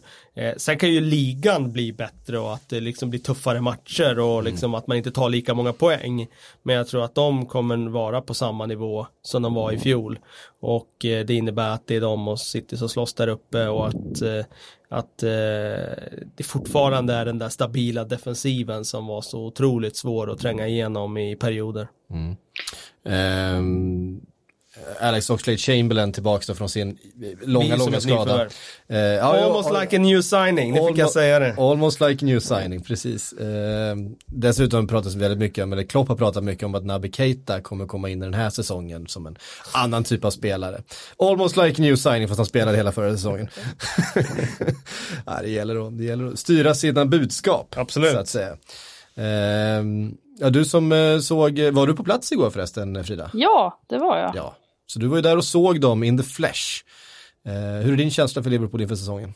Ja, som sagt under den första halvleken så tänkte jag, satt jag och funderade på vad, vad är det man sitter och tittar på egentligen. Men som sagt kom ju ut som ett helt nytt lag i andra halvleken så det är väl ingen fara på taket där. Och jag håller med också om att det är ganska svårt att hitta nyförvärv också när man Eh, ska hitta spelare som i princip ska hålla världsklass men är villiga att sitta på bänken. Alltså det, de spelarna finns det inte speciellt många av. Så att det är inte så konstigt att man kanske har svårt att hitta backups då till fronttrion exempelvis. För att det är ju det det handlar om. Det är ju ingen som, det är ingen som kan bli petad där i alla fall. Nej. Jag ska säga det också att Simon Mignolet det blev klart igår att han eh, lämnar för Klubb Brygge. Det har mycket Klubb Brygge-spelare som har kommit till, Liverpool, eller till Premier League, men nu är det en som lämnar från Premier League till Klubb Brygge då. Eh, Mignolet efter många år i, i, Liverpool. Eh, ryktas om att eh, Adrian, eller Adrian, eh, gamla West Ham. Adriano. Eh, keepern kommer in eh, som ersättare då som, som andra målvakt bakom eh, Alisson Becker helt enkelt. Eh, kommer inte påverka speciellt mycket det heller. Eh, från Liverpool då, direkt över till Manchester City. Ligger bredvid varandra i tabellen redan här nu före vi har börjat eh, spela. Eh, Rodri in, det är den stora grejen. Eh, sen är ju frågan då, eh, Vincent Kompani har eh, dragit till Anderlecht. Eh, Fabian Delf gör väl inga större eh, svallvågor på hans eh, Flexibility is great. That's why there's yoga. Flexibility for your insurance coverage is great too. That's why there's United Healthcare Insurance Plans. Underwritten by Golden Rule Insurance Company, United Healthcare Insurance Plans offer flexible, budget friendly coverage for medical, vision, dental, and more. One of these plans may be right for you if you're, say, between jobs, coming off your parents' plan, turning a side hustle into a full hustle, or even missed open enrollment. Want more flexibility? Find out more about United Healthcare Insurance Plans at uh1.com. vad heter det, uttåg från laget. Sen är den stora frågan då med Sané, om han kommer lämna för Bayern München eller inte. Ehm, Ja, det, det kan få ganska stora, stor påverkan tror jag. Leroy Sané är väl inte någon favoritspelare egentligen för Pep Guardiola vad det har verkat. Han har inte alltid, han har inte varit given direkt i, i, startelvan. Samtidigt så har han varit väldigt, väldigt viktig eh, för dem när han har spelat, gjort många viktiga mål och, och bidrar ju ändå med någonting som eh, de andra kanske inte har. En otrolig speed och en eh, direkthet i sitt eh, kantspel på vänsterkanten. Ja, han var otroligt bra igår i alla fall under de åtta minuter som han hann spela innan han blev utbytt. Då var han faktiskt, ja. eh, dels var han bra, väldigt bra offensivt och hotade säkert eh, tre lägen i alla fall där han kom förbi och drog något skott i, i burgraven där och sen så var han även bra defensivt med, alltså med hemjobbet eh, och så vidare. Så att det är klart att det är en fantastisk spelare men det är ju någonting. Jag menar Guardiola, det är inte som att han han liksom eh, kastar ju inte smickrande ord omkring sig när han pratar om Sané. Däremot gjorde han det kring Rodri eh, efter finalen igår. Och jag tyckte väl Rodri var, alltså han var, gjorde en, alltså han var helt okej. Okay. Eh, han stack väl inte ut sådär eh, otroligt mycket. Men det märks väl att eh, Guardiola är, är oerhört glad för att i alla fall ha fått in honom eh, i laget. Och förutom att vara någon sorts Fernandinho eh, alternativ så är han väl framförallt en, han är ju en liten Sergio Busquets eh, spelare och det, det har väl Guardiola saknat också ett, ett tag nu. Mm. Eh, trots att slog bort en del bollar igår. Jag eh, mm. förvånades lite utav, eh, utav det. Eh, är ju normalt sett väldigt, väldigt eh, passningssäker, eh, om man säger så. Jag kommer ja. ihåg vid den här tiden i fjol när vi snackade om City så sa jag att det som kan fälla dem i ligan det är att Fernandinho går sönder. Det fanns en mm. truppbrist där. Mm. Så blev han skadad och då förlorade de de matcherna i december. Mm. Nu har de ändå täppt igen den truppbristen som fanns förut. Så det enda frågetecknet nu kring City det är egentligen vad kostar det dem att tappa liksom kulturbäraren, ledarskapet som Vincent Kompani har ändå stått för mm. de senaste åren. Är det, blir det någon annan dynamik i gruppen när liksom gentlemannen kompani inte håller de här liksom individualisterna i, i schack liksom. Eh, det är väl det jag ser, annars så, så kommer de ju vara eh, förmodligen trycka gasen i, i botten redan från start här. Engelsmännen hoppas väl på alltså John Stones, att han ska bli den som, som kliver fram. För han spelade ju ändå förhållandevis lite förra säsongen. Och det verkar ja. ju ett tag som att han, alltså att han var petad, rent ut sagt. Men nu hoppas ju många att nu när kompani har försvunnit, att han ska kliva fram och ta lite mer ansvar. Så vi får väl se om han gör det. Han kan ju göra det på planen, frågan om han kan göra det sådär direkt i gruppen, i omklädningsrummet och, och träningsplanen och allt det där. Eh, men eh, det, det vet man ju inte, det är ju bara avvakta och se. Eh, men jag tror som sagt att det kan bli en, ett litet tapp i ledarskap från Citys del. Mm. Ja, vi tror väl i alla fall att det är Manchester City och Liverpool som, som kommer slåss om det. Två lag som inte har värvat sådär jättemycket men som har behållit sina, sina stjärnor i väldigt hög utsträckning. Kevin De Bruyne till exempel som ju var skadad väldigt stor del av förra säsongen. Almost like a new signing. Exakt, och det är inte vilken spelare som helst. Nej, han har ju sett väldigt bra ut på försäsongen också och ja. det, man kan ju ana att det de var också eh, väldigt bra igår. Det kommer ju bli en dimension till för City just med, det här med hans tidiga inspel som de behöver mot låga försvar också. Ja. Den där bollen som bara skär som genom smör liksom, en kniv genom smör bara rakt igenom. Ja, ja det, är, det är en otrolig spelare alltså. Han var, var väldigt bra igår också. Eh, så är det. Manchester United. Där har vi ett spännande gäng eh, med Ole Gunnar Solskär ska försöka då eh, på något sätt eh, claw their way back till, till toppen. Man gör det genom att ha värvat eh, Daniel James från Swansea, man har värvat Aron Wan-Bissaka och man har inte sålt Paul Pogba eh, än så länge och det är väl eh, de stora grejerna. Eh, sen så har, eh, är Harry Maguire då på väg in. så säger vem glömmer jag? Du glömmer ingen? Nej, jag, jag, har inte glömt någon än. Jo, och sen Ander Herrera har ju lämnat. Ja, jag har lämnat. Ja. Och Lukaku kan väl vara på väg ut också. Lukaku känns väl rimligt som att han är på väg ut. Mm. Jag tror att vi kommer få se ett par uh, nyförvärv eh, till utav uh, Manchester United under sista veckan här. Nu är det ju tre dagar kvar till, uh, till deadline day. missa inte den förresten, vi sänder som vanligt här. Det är ju Premier Leagues deadline day, då kommer vi sända torsdag kväll här. det kan ni räkna med. Eh, men eh, ja, vi räknar väl med att det, det, det kommer ytterligare några värvningar in, eller? Ja, Maguire kalkylerar in idag eller imorgon. Eh, det lär bli klart när som. Eh, sen är det ju den där intresset för Bruno Bruno, Fernandes. Bruno Fernandes. Eh, det har varit intresse för eh, Dybala, men det verkar väl inte ha blivit sprucket. något. Så det är väl Bruno Fernandes nu då, eller inget. Och det är klart att det finns en eh, kittlande tanke med att de skulle behöva en, en nummer 10-spelare som är lite bättre än det de har.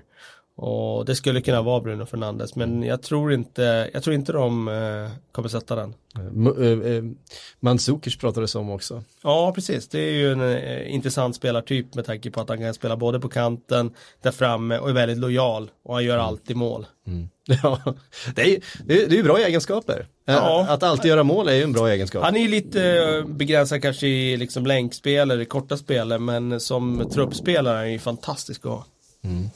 Eh, när säsongen tog slut här Frida så pratade vi, skojade om eh, eh, hur länge Ole Gunnar skulle ha eh, kvar eh, som United-tränare in på, på hösten här. Vad, vad är känslan nu tycker du? Eh, Ja, alltså jag, det är väl fortfarande ganska mycket eh, oklarheter där. Eh, framförallt kring honom då som, som manager. Samtidigt, herregud, ska de göra sig av med en till? Eh, det känns ju också helt orimligt för att nu, nu får han ju några av de spelarna som han säkert har, eller det hoppas jag i alla fall att Ed Woodward har konsulterat honom och, och hört vilka spelare som han eh, känner kan passa in i United. Och jag tycker faktiskt hela den här Dybala eh, situationen, jag tycker att det är ett väldigt sundhetstecken från Uniteds sida att man faktiskt väljer att lämna de förhandlingarna med tanke på att Dybala inte ens verkade vilja gå dit egentligen mer än för pengarnas skull. Och eh, det känns väl skönt att de faktiskt undviker den typen av övergångar för det har vi ju sett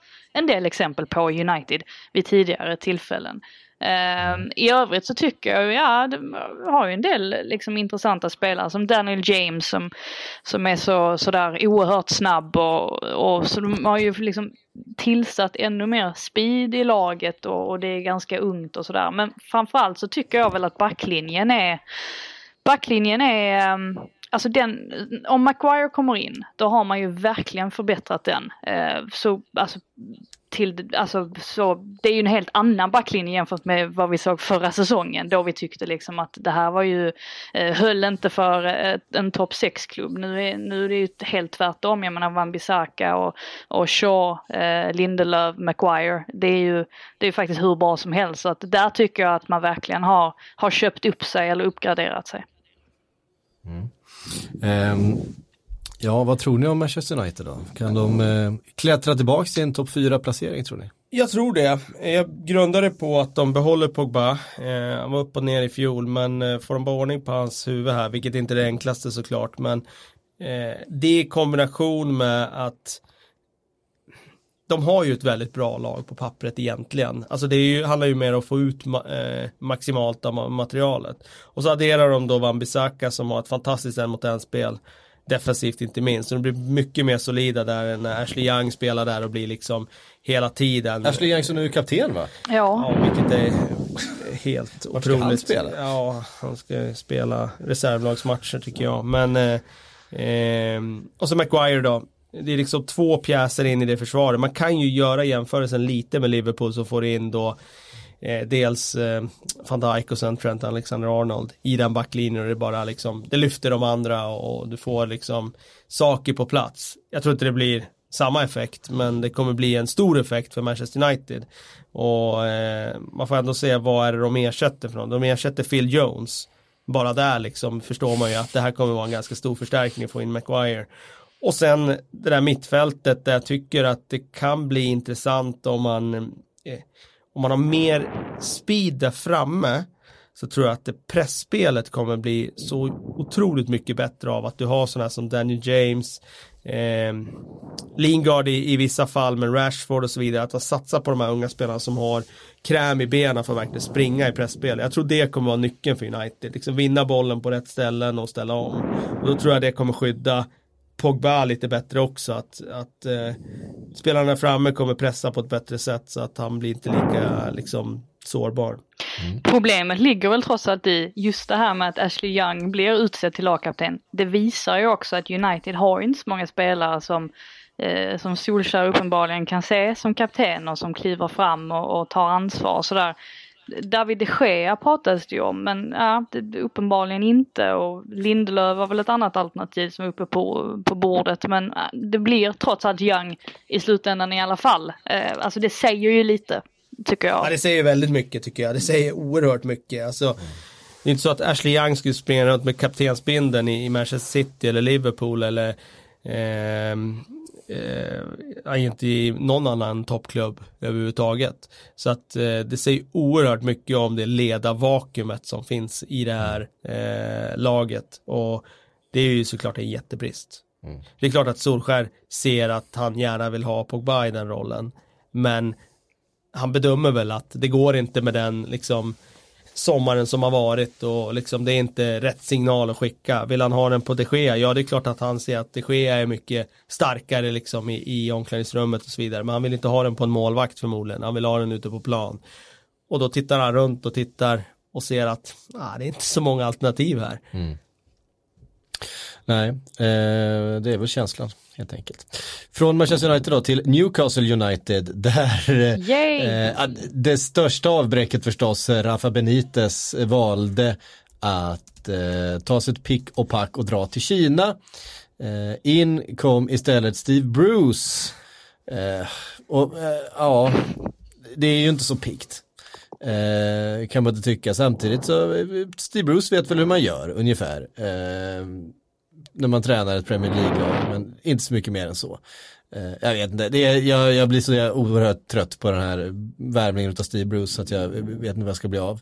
Eh, Innan har i alla fall köpt en spännande Joel Linton eh, och Allan Sankt Maxi Maximin från Nice, också spännande. Så helt plötsligt har man ju spenderat lite pengar, men eh, jag, vet inte, jag, jag, jag, vet inte vad Steve Bruce ska göra med de här. Han, vet han ens vad det är för spelare han har fått in? Jag vet inte, jag kanske, är, jag kanske är väl hård här. Eh, dessutom har man tappat eh, Ayose Perez som var, varit deras bästa spelare de senaste åren. Så att eh, ah, det tycker jag tycker det ser riktigt, riktigt mörkt ut för Newcastle. Jag hoppas att vi, eh, att man är lite för hård eh, mot eh, stackars Bruce för att jag menar på pappret är det ju en fruktansvärd nedgradering såklart och det ser ju, det ser ju alla. Å andra sidan så finns det ju en del ljuspunkter för Newcastle, eller har funnits nu under försäsongen. Jag menar, Joe Linton har gjort, eh, liksom startat två matcher, och gjort två mål och verkar ju liksom se, se ut som att det, det, han faktiskt kan vara värd pengarna exempelvis. Så att, eh, det, det, finns ju ändå, det finns ju ändå en del, en del kvar i det här Newcastle. Eh, så jag tycker man ska väl inte, man ska inte ge upp från början. Nej, eh, det ska man ju inte göra men det, visst känns det känns det tungt. Det är klart att det blir ett tomrum när Rafa nämner med tanke på hur uppskattad han var på läktarna och i klubben och så vidare. Eh, det kommer att bli tufft, det är ingen tvekan om det. Joel Linton kostar 40 miljoner pund, där ligger ju mycket av liksom, deras hopp nu. Mm. Kommer han vara den spelaren som kan bära anfallet? Jag tycker att det finns ett lag i övrigt för att rädda ett kontrakt. Mm. Men då handlar det också om att någon ska vara X-faktorn där framme. Mm. Och... Men jag, jag, bara känner så här alltså, du, du får in 30 miljoner för Jose Perez och betalar 40 för Joel Linton. Det, det, känns inte som en, en, en positivt byte när man får betala, betala 10 miljoner och sen, och sen bli av med en spelare du vet är, är klass mot en spelare du inte alls vet eh, hur han kommer leverera. Så är det ju. Det, Men så det är ju så marknaden fungerar. Mm. Att, eh, Ska du köpa någonting så eh, klubbar vet att du har pengar, då, då är det svårt. Mm. En eh, liten skandinavisk vinkel också är ju att eh, det kan bli så att 19-årige Elias Sörensen, eh, dansk, eh, kanske möjligtvis får chansen i, i truppen i alla fall, eller, eller blir en del av den. Han kallas för the most Geordie Scandinavian kid of all time. Eh, det, bara det är ju spännande att få den epiteten. Måste ju vara en dansk i sådana fall. Vad har han gjort för att bli det? Han har ju varit där sedan 2016 tror jag. Sen var han utlånad någon, någon kort session. Men eh, han har väl varit där tillräckligt länge för att säkert snacka lite jordi, eh, jordi-dialekt och sådär. Eh, det räcker kanske för att man ska benämnas som den mest skandinaviska jordin som finns. Ja, ja. Äh, det, där har han lite att leva upp till ändå.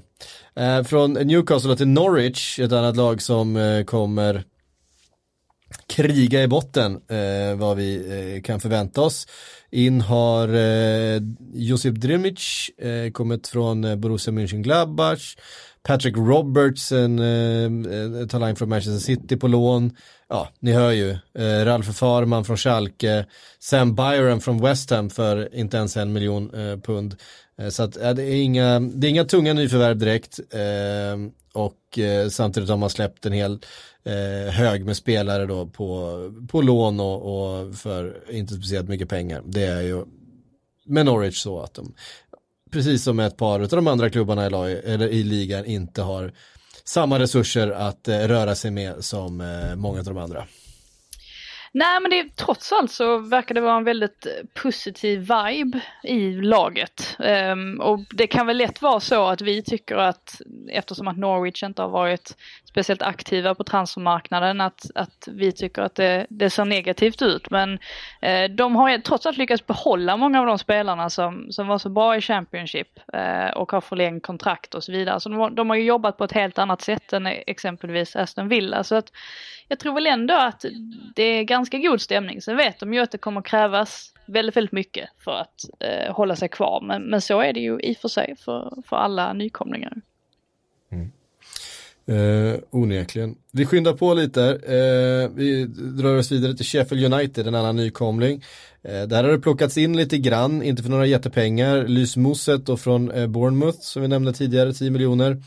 Ravel Morrison, här står det bara free i mina papper, men han kommer ju från Östersund eh, senast. Herregud. Ja. Eh, Phil Jagielka då från, från Everton, eh, ja, jag vet inte. Eh, Sheffield United överpresterade ju i, i Championship förra säsongen. Eh, spelar ju en, eh, en fotboll som jag inte är helt säker på. Just det, eh, Oliver McBurney betalar man faktiskt ganska dyra pengar för. 18 miljoner pund ja. Ja, precis. från Swansea. Och Ja, det är väl, vi är väl ganska många som har Sheffield United eventuellt då, som på jumboplatsen eh, inför säsongen, eller? Alltså att de kommer vara ett av lagen som åker ur, det får man väl utgå ifrån och allt annat skulle ju vara en stor skräll. Eh, men de, hade, de hittade ju någonstans, någonting i alla fall där i fjol då under Chris Wilder, att han mm. eh, gjorde eh, någonting som inte kanske har synts i Championship på det sättet tidigare. Ett, eh, fembackslinjen, eh, liksom lite mer offensiv tappning på den fembackslinjen också med mittbackar som är lite mer äventyrliga, går iväg och så vidare jag tror inte det är sättet att spela i Premier League om jag säger så. Nej. Så att det blir ju att de måste anpassa sig och det brukar vara ganska svårt. Så att, eh, och de har ju inte några spetsspelare heller så, så att eh, om man sätter tilltron till att Jagielka ska styra upp det där försvaret då tror jag man är ganska farligt ute också. En av, en av nyckelspelarna, Oliver Norwood, han har ju en ganska rolig historia ändå. För han hjälpte ju Brighton eh, att gå upp i Premier League. Eh, men då blev han själv utlånad till Fulham och sen hjälpte han Fulham att eh, gå upp till Premier League och sen försvann han till Sheffield United. Så han har liksom aldrig fått chansen riktigt i Premier League. Så det är ju det upp, upp till bevis för honom nu då. Ja, äntligen. Ja, det, det blir tufft för Blades. Det, så är det bara. Um, Southampton har vi eh, ändå flaggat för vid ett par tillfällen att de kanske kan ha någonting på gång igen. Uh, efter några tunga säsonger.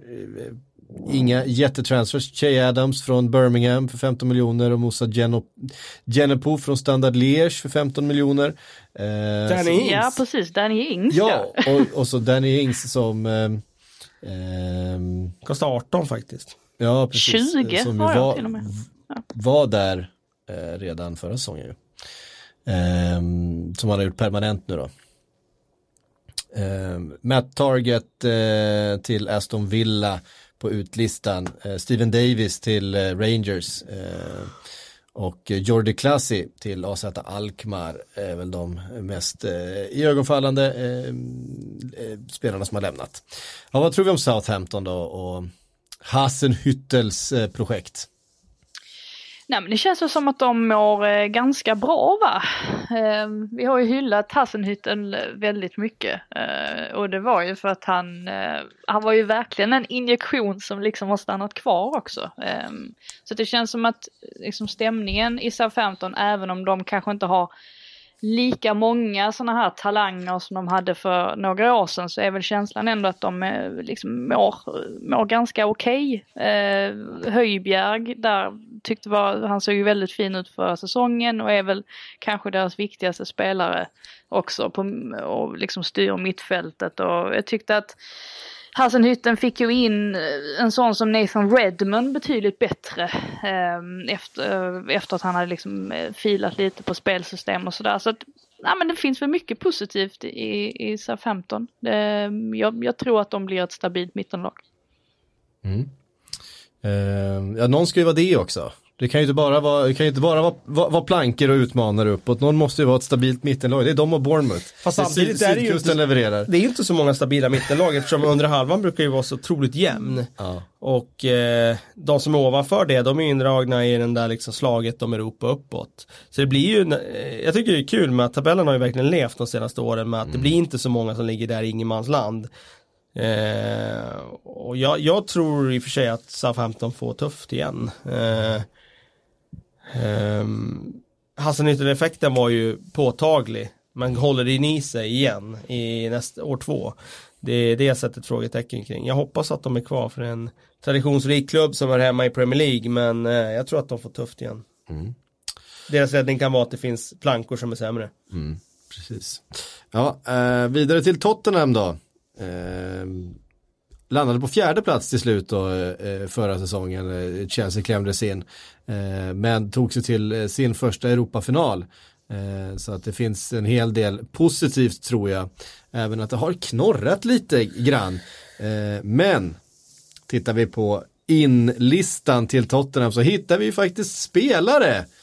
Kors i taket och framförallt då Ndombele från eh, Lyon för en eh, 65-70 miljoner någonting va? en rejäl investering och en spelare som Pochettino verkligen vill ha in eh, och en klassspelare som kommer göra Tottenham bättre. Det är jag helt övertygad om. Har dessutom då fått behålla Christian Eriksen så här långt. Vi får väl se vad som händer. Det spanska fönstret framförallt då är öppet ett tag till. Det pratas fortfarande lite grann om eh, om Real Madrid och Barcelona och sådär. Men det, känslan är väl att han stannar nu tycker jag. Eh, det känns, eh, däremot så, så var ju Pochettino ute och var lite frustrerad här i förra veckan och menade att eh, ni kan väl döpa om mig till coach istället för manager för att eh, jag har ingenting att säga till om vilka som, spelare som lämnar och kommer in. Ungefär så uttryckte han sig. Lite anmärkningsvärt och det kanske finns en viss frustration där. Det var ju de orden ungefär som José Mourinho använde inför säsongen där när det slutade med att han fick gå sen i december. Han började ju där i Ja, det var precis där förra säsongen där att han sa att det finns inga managers längre utan det är, det är coacher liksom. Och det var ju hans sätt att, att eh, liksom skicka en passning till Ed Woodward på den tiden. Jag tycker att det är lite oroväckande för Tottenham. Just den där relationen Pochettino, Daniel Levy, att det börjar bubbla lite där. Han har ju varit ute och gjort något sånt där stick under förra säsongen också. Eh, och eh, nu gjorde han det igen om det här med värvningar och så vidare. Så att jag tycker det är lite oroväckande. Eh, annars tycker jag att Tottenham ser riktigt starka ut med en Dombele som kommer in då. Och det där mittfältet som det såg ut i slutet av förra säsongen med Wink som liksom fördelar bollen, Moussa Sissoko som både löper och vinner bollen och driver den också. Eh, och sen eh, med Eriksen, Delali som liksom offensiva kreatörer. Så Poängfötter verkligen. Ja, verkligen. Så det, det, det, jag tycker det ser riktigt eh, bra ut. Det som är oroväckande det är ju Spurs och deras ytterbackar. Mm. För den Släppte ytterback... Kieran Trippier då till Atletico Madrid. Ja, precis. Han hade ju ingen bra säsong i, eh, förra säsongen. Men, eh, och var ju framförallt väldigt, väldigt eh, tveksam defensivt. Mm. Långa bollar in som han liksom inte kunde hantera. Men eh, räknar de nu med att Kyle Walker Peters ska ta den första tröjan där så är det ju väldigt, ja det känns ju spännande men det känns ju också som en chanstagning. Mm. och Danny Rose då på andra sidan har det också pratats rätt mycket om i ganska många år ju, att han inte är helt eh, helt bekväm alla gånger i, i eh, rollen i, i, i, truppen där. Jag vet inte hur mycket man ska läsa in i det egentligen men kanske inte en spelare heller som har nått upp till sina högsta höjder under de två senaste säsongerna. Eh, så bra som han var eh, för några år sedan. Men eh, ja, det är som sagt, det finns några frågetecken på, på just ytterbackarna. Hur är, hur är känslan hos dig Frida när det gäller Tottenham? Nej, men det är väl att det är skönt att de i alla fall har lagt pengarna på ett nyförvärv som, eh, som känns eh, faktiskt som en spelare som väldigt många andra stora europeiska klubbar hade kunnat köpa. Eh, alltså det är ju det är kul att se att Tottenham också börjar kunna göra den typen av rekryteringar. Sen är det väl klart, alltså man har ju fortsatt problem som nu till exempel att Deli Alli och han åkt på ännu en eh, ljumskskada. Eh, så länge man har de problemen också i en redan hyfsat tunn trupp ändå så, så kommer det ju bli ganska jobbigt och jag ställer mig jättefrågande till vad som händer med Eriksson för att ska de få betalt för honom så måste de ju släppa honom nu. Eh, annars känns det ju, känns det ganska ovärt också att ha kvar honom och sen låta honom gå på fri transfer. Det, det är ju ingen, det är ingen bra business heller så att man får väl räkna Nej. med att han Men försvinner. En Alderfereld i samma situation väl? Är det så? Eller skrev han på nytt? Nej, han har inte signat nytt. Nej. Men eh, han, hans den där klausulen gick mm. ju ut där. Det fanns ju möjlighet vad jag förstår att köpa han för 25 miljoner pund. Men det är klart att det finns klubbar som var beredda att lägga det. Men då har han ju indikerat själv säkert att han inte vill gå då. Mm. Eh, och vill stanna. Och det är ju klart att jag menar, de får bygga vidare på sitt mittbackspar igen där. Eh, och det är ju såklart jättepositivt. Mm. Ja, eh, Tottenham i år? Topp fyra? Ja, garanterat topp fyra. Det, jag kan inte se att de ramlar ut därifrån. Men jag är inte säker heller på att de hotar mer uppåt heller. Eh, de måste åtgärda sin ytterbacksituation för att de ska hota mer eh, Liverpool och City. Mm.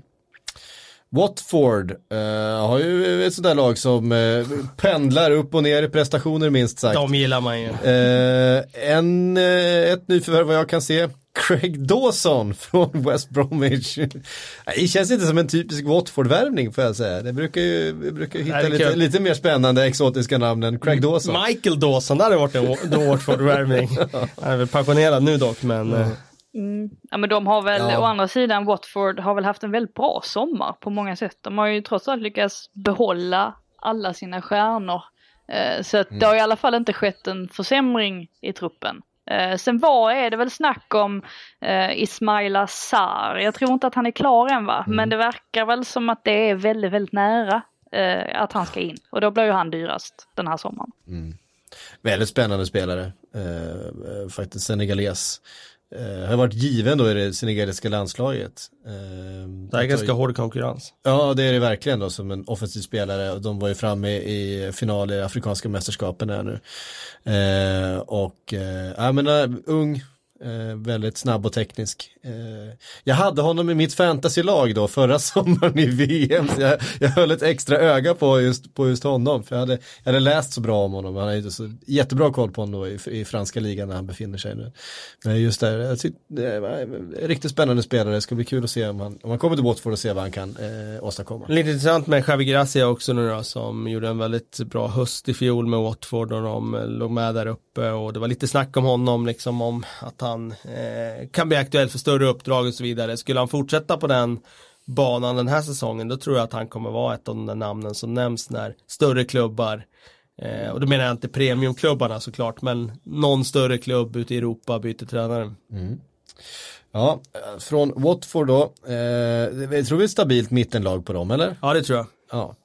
Eh, det är inga nedflyttningsbataljer för deras eh, del den här säsongen. Är vi överens om det Frida? Ja, nej, men det tycker jag. Nu har jag sagt att alla ska vara mittenlag i princip. Men det brukar jag göra, känner jag. Uh, jag ja, brukar tippa alla där. Jag är så optimistisk. West Ham Eh, Eh, gör igen då en, en, en fin satsning. Där har man köpt in eh, Sebastian Haller framförallt från Eintracht Frankfurt. En eh, riktigt fin anfallare som ska spotta in målen åt dem. Ehm, men också Pablo Fornals då från Villarreal. Ehm, för 24 miljoner pund. Har släppt Samir Nasri och Andy Carroll och Adrian som vi var inne på, han kommer antagligen ansluta till Liverpool då. Eh, andra målvakten där, det är ju inga, inga tyngre förluster, eh, någon av dem eh, direkt. Men eh, man är väldigt nyfiken på eh, West Ham i år. Alltså, jag såg dem faktiskt i träningsmatch mot eh, Manchester City just. Och det var en eh, match som City till slut vann med 4-1 eller något sånt där. Men där West Ham skapade otroligt mycket chanser. Eh, och spelade väldigt, väldigt fin fotboll stundtals och, och har ett, eh, tycker jag, ett riktigt, riktigt kul lag. Ehm, jag tror att West Ham blir farliga i år, jag tror att de kan vara med där och utmana om eh, med Everton och med Leicester eh, och med Wolves också eh, ska vi nämna där som blir det sista laget vi kommer till sen. Jag tror att vi ska ta med West Ham i den gruppen också. Det, och det känns inspirerande tycker jag att det finns fyra lag som är så pass bra att de kan kriga om det Everton Trophy, vilket jag ändå i slutändan tror att det är det de kommer göra. Ja, vad känner ni? Nu var det jag som höll en utläggning om West Ham. Ja, alltså jag, jag håller ju med. Alltså jag tycker också att West Ham känns eh, stabila på sätt och vis. Men det är mycket tack vare Pellegrini också, som ju mm. ändå är en så pass trygg tränare. Um, så att, eh, ja men det är som sagt, jag tror det jag ser mest fram emot kanske, det är att se om Declan Rice kan ta ytterligare kliv. För han hade ju en sensationellt bra säsong förra året. Ehm, och nu liksom med, med ytterligare ett år i bagaget och, och sådär och lite mer erfarenhet så kan han säkert bli ännu viktigare för dem än, än vad han redan har varit. Så att, ehm, ja, jag ser också positivt på, på West Ham. Mm. Jag minns att vi typ för prick ett år sedan då satt och, här och gjorde ett likadant program och satt och ställde oss frågande till hur West Ham skulle ställa upp på defensivt mittfält just och man sa, ja men Declan Rice, vad är det för spelare? Någon omskolad mittback som är 20 år gammal, det, det kan väl inte vara något att bygga laget runt men där visste han ju vad han gjorde Pellegrini. Eh, han hade ju förstås sett lite mer av honom än vad vi hade vid det tillfället och det, där finns ju verkligen någonting att bygga på. Ja, verkligen. Och sen får de ju tillbaka Lanzini som var skadedrabbad förra ja. säsongen. Eh, sparkapital där. Mm. Eh, nya Haller, eh, anfallaren som många tror ska spotta in mål. Mm. Eh, så att det, jag håller med, det kan bli The Everton Trophy för, eh, för West Ham den här säsongen. Mm. Sluta sju alltså. Ja, precis. Och, och um Fick ju in ett väldigt fint för, nyförvärv förra året, nu tappar jag namnet, Andersson. Eh, Filippe Andersson. Filippe Andersson. Ja, ja nej, eh, ren klass ska jag säga. Eh, skulle kunna göra ännu mer än vad han gjorde ja. för att han har så otroligt mycket talang. Eh, men blir väl lite det där brasilianska, att det är inte så konkret alla gånger. Men med Lanzini och Felipe Andersson och med en Sebastian Haller där fram, då hotar man ju vilket lag som helst egentligen. Ja, och så Michael Antonio som är liksom någon slags eh, Han kommer jordfräs på högerkanten liksom. ja, eh, det, det, det, ser ut som ett lag som håller ihop det här eh, West Ham nu, kanske för första gången på, på ganska länge, det har varit lite spretigt. Ja, ehm, och så det sista laget, eh, sist just nu då i tabellen, eh, Wolves, eh, Wolverhampton Wanderers, eh, har plockat in eh, Raúl Jiménez då permanent då från Benfica. Eh, tagit in Den Docker, eh, Jesus Vallejo eh, på ett lån från eh, Real Madrid. Och så har man ju värvat Patrik Crutone från AC Milan för 23 miljoner pund. En väldigt överraskande värvning för, eh, för många tror jag. Eh, eller ja, för de flesta i alla fall. Har ju inte haft kanske den utveckling Crutone som man hade trott då för ett par säsonger sedan när han slog igenom som den här supertalangen. Eh, levererat lite för lite mål helt enkelt. Eh, frågan är om han kan eh, få någon slags nytändning. Han verkar ju inte alls speciellt nöjd själv över att ha sålts från Milan. Eh, han är ju väldigt, väldigt laglojal och trogen eh, pojke. Eh, men eh, i Wolves är han i alla fall. Eh, hur, eh, vad säger man i England tror du Frida om en Patrik Crotone? Har man koll på den spelaren? Nej, absolut inte eftersom att han eh, kommer från Italien. De, de håller ju inte koll på någon annan liga än, än sin egen i princip. Nej. Men eh, nej, men i övrigt så det är väl klart att Wolverhampton hade en stark trupp förra säsongen. De har ju en precis lika stark trupp även i år. Mm och det är väl lite grann det där som vi har nämnt så många gånger tidigare, att de måste bli bättre mot kompakt och lågt stående lag. För att det var de ju inte direkt. De var, en fantastiskt fint facit mot eh, övre tabellhalvan och sen när de mötte de lite, lite mer krigande lagen rent defensivt så, så fick de det svårt. Så att det där gäller det egentligen att skruva på det man redan har och plus att eh, Jiménez kanske borde komma igång lite tidigare än vad han gjorde förra säsongen. Han hade ju en ganska tuff höst ändå innan det började rulla på så att um, um, nej, jag, jag eh, tror väl återigen att Wolves har, uh, har alla verktyg man behöver i alla fall för att göra en minst lika fin säsong uh, det här året som man gjorde förra. Jag har ju uppfattningen som kanske går emot den gängse uppfattningen om Wolves förra säsongen, framförallt tränaren Nuno. I mina ögon är han ju en väldigt pragmatisk tränare.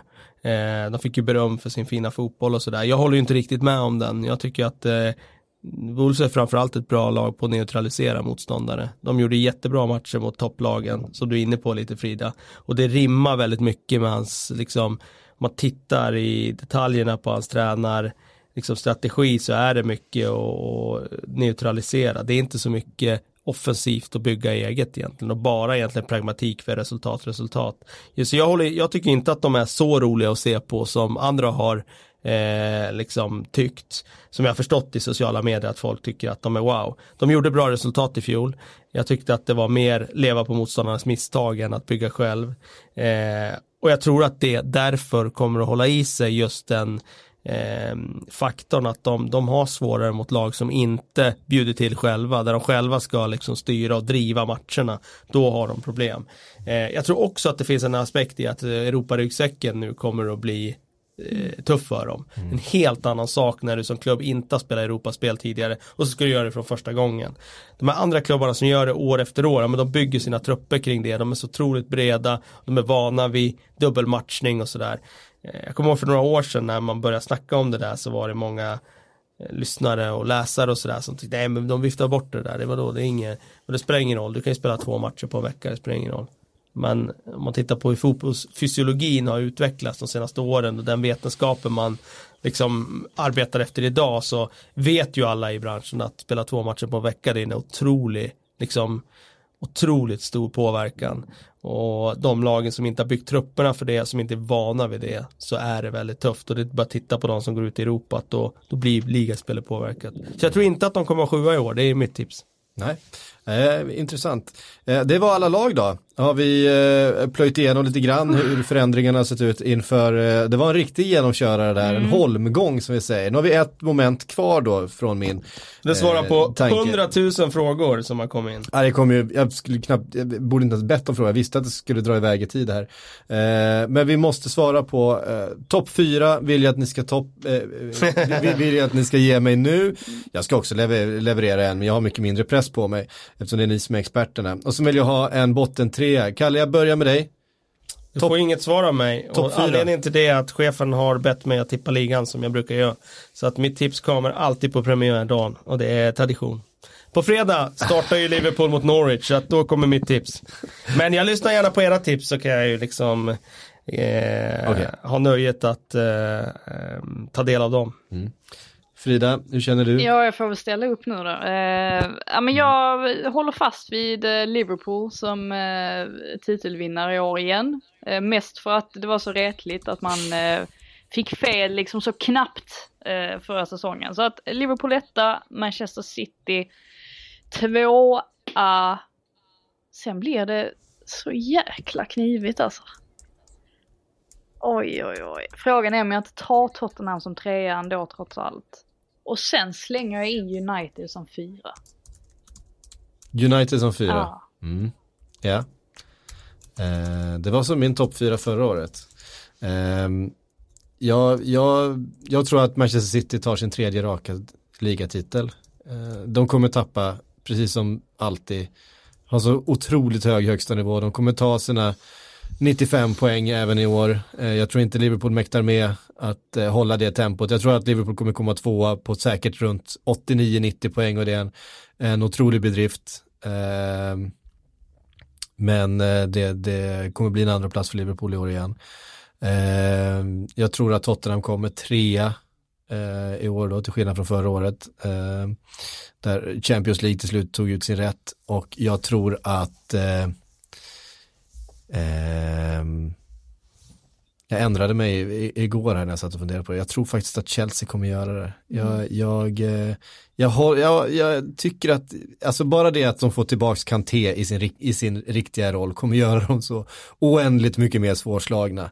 Eh, och jag tror att eh, det materialet de ändå har, alltså eh, Hazard, visst, men eh, det är ändå en placering sämre än förra, förra säsongen. Eh, om de kommer fyra istället för trea i år då. Eh, så jag tror, jag tror Chelsea ändå. Så det är samma topp fyra som, eh, som förra året med den ändringen att eh, Spurs faktiskt blir trea den här gången och Chelsea fyra. Eh, och en eh, botten trea, ja, där tror jag ju att Newcastle åker. jag tror att Sheffield United åker. och jag tror att Brighton får det tufft. Faktiskt. Mm. Ja, och jag eh, tror att jag hade Sheffield United i botten där. Um, kan ha varit Norwich och sen tror jag faktiskt att jag satte eh, Burnley på plats nummer 18, vilket kanske är dumt, men uh, ibland, får man, ibland får man våga. Mm. Nej, det får man göra. Ja, ja. hörni, det här var verkligen allt vi hann den här gången. Nu har vi hållit på i en timme och 40 minuter. Jag känner mig helt slut. Eh... Ni ehm. sitter inte i en, på en veranda som är stängd för att man liksom, det ska bli bättre ljud och det, solen står på liksom, för nu kom det sol helt plötsligt och, och jag har tjocktröja på mig. Alltså ni kan ju tänka er hur svettig jag är. Men den kan du ju faktiskt ta av dig om du vill. Du vet ju vart vi sitter, du kan ju tänka dig hur mycket luft det är inne i rummet. Ja okej, okay, det är mest synd om er. Ja, hörni, det är så här vi kommer göra eh, Premier League-podden framöver. Eh, Frida kommer finna med, finnas med från eh, London, eller vart du befinner dig. Du kanske är ute och, och far i landet också. Mm, vem vet? vi får väl se, vem vet. det ska bli en spännande säsong att följa. Kalle, du och jag, vi sitter kvar här i studion va? Eh, vi håller oss till den här studion. Ja, eh, vi undviker eh, den där typen av utflykter. och sen så är vi tillbaka nästa vecka igen då med en då kommer jag trots allt vara bortrest, då, då kommer det komma in en, en vikarie eh, för mig, men sen så kör vi säsongen igenom, det ska bli riktigt spännande. Missa heller inte Sillypodden, eh, kommer imorgon och sen har vi deadline day då för Premier League på torsdag. Det kommer en deadline day till i slutet på augusti, ja, ni hör ju själva, det blir mycket fotboll framöver. Eh, på återhörande säger vi härifrån i alla fall.